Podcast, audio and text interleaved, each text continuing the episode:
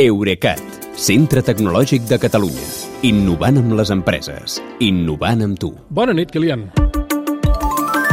Els governs occidentals obliguen els seus treballadors a esborrar dels seus mòbils l'aplicació de TikTok, però això no evitarà, dius, que les dades acabin igualment a la Xina. Uh, ho explicàvem fa uns dies. La Comissió Europea, el Consell Europeu i el govern dels Estats Units han prohibit al seu personal que tinguin TikTok instal·lada als telèfons de la feina o fins i tot als telèfons personals on també hi hagi aplicacions de la feina. I, de fet, els Estats Units encara volen anar més lluny. Volen prohibir l'ús de TikTok a tots els seus ciutadans. A tots, eh? Sí, amb tot el, i en tots els casos el motiu és el mateix eh, la suposada captació de dades personals per part de l'aplicació per transferir-la als servidors de la seva empresa matriu, ByteDance, que són a la Xina i allà el govern tindria barra lliure per accedir a aquestes dades. Yeah.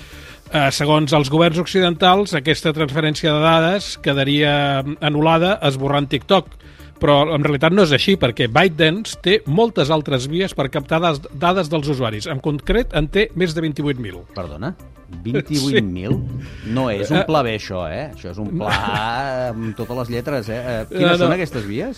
Són les 28.251 aplicacions que, segons el portal Gizmodo i l'empresa d'anàlisi AppFigures, contenen un codi de TikTok que necessiten per funcionar. Aquest codi és el que s'anomena SDK, eh, que són les sigles angleses de Kit de Desenvolupament de Software, i són unes eines que els programadors fan servir per integrar les aplicacions amb els sistemes de TikTok i, i que li envien dades d'usuari per funcions com mostrar anuncis, compartir vídeos o identificar-se a les credencials de, amb les credencials de TikTok. Estem parlant de jocs com Trivia Crack o Fruit Ninja, editors d'imatges com Canva, aplicacions de meteorologia, utilitats de wifi i moltes altres categories. I això només si parlem de les aplicacions mòbils, perquè també hi ha moltíssimes webs que contenen codi de TikTok, igual, per altra banda, que tenen codi de Google o de Meta o de Twitter. Per tant, eh, ja pots esborrar, ja pots anar esborrant l'aplicació de TikTok, que és una cosa que jo recomano en qualsevol cas, sí. però el més probable és que el telèfon hi tinguis altres coses infestades de TikTok, també. I TikTok, què hi diu? Eh, naturalment nega que estigui fent res mal fet eh, i assegura que les úniques dades que rep d'aquest SDK eh, són eh, les pròpies de la telemetria del seu ús, és a dir, informació de, operativa, i que en matèria de privadesa no té res de, per amagar. Però en paral·lel també ha ofert al govern Biden eh, instal·lar servidors propis als Estats Units perquè els usuaris de l'aplicació allà no s'hagin de connectar als de la Xina. El conflicte diríem que ha arribat a tal punt que han intervingut des del mateix govern de Pequín, eh? Sí, la portaveu del Ministeri Xinès d'Exteriors va fer dilluns una roda de premsa per queixar-se de les restriccions a l'ús de TikTok als Estats Units i acusar el govern nord-americà de voler ensorrar les empreses tecnològiques xineses i això afectaria tant aquest cas de TikTok com anteriors, com els vetos als drons de DJI, de la marca DJI, o als productes de telecomunicacions de ZTE i de Huawei. Una Huawei que, per cert, ja que hi som, podria quedar expulsada aviat de la xarxa 5G d'Alemanya, que és amb Espanya un dels pocs estats europeus que encara es mantenia al marge de la prohibició.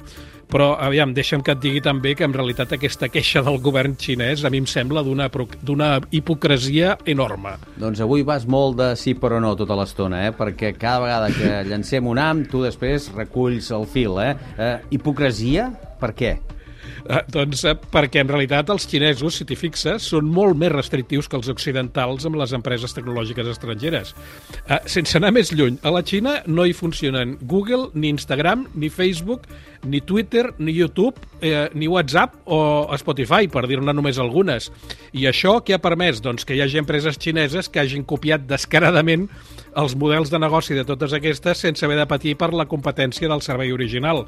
I els pocs serveis originals d'estrangers que hi ha a la Xina només hi poden ser, per exemple, els d'Apple, perquè van acceptar que el govern xinès tingui accés per la porta del darrere a les seves dades. Per tant, jo trobo que si la Xina es vol queixar de proteccionisme tecnològic, només cal que primer es miri el mirall. Ai, els miralls, que diuen moltes coses d'aquell que s'hi posa davant. Eh. Eh, per cert, i per resumir, aviam si ho he entès, l'aparent debat sobre ciberseguretat seria més aviat amaga, més aviat, una competència comercial? Jo crec que sí, i a més a més, eh, tornant a TikTok, que és per on hem començat, jo crec que tampoc és que calgui buscar gaires motius, eh, què sé, tecnològics o polítics o macroeconòmics per esborrar-lo del vostre telèfon, perquè eh, penseu-hi, sense una aplicació que és tan addictiva, recordem que ho és el doble que Facebook i el triple que Twitter, i que a més a més transporta contingut tan tòxic, que va molt més enllà de les ballaruques, jo crec que sereu molt més feliços. Doncs Doctor, felicitat amb nosaltres avui. Gràcies i que vagi bé, Albert. Bona nit, Kilian. Fins demà.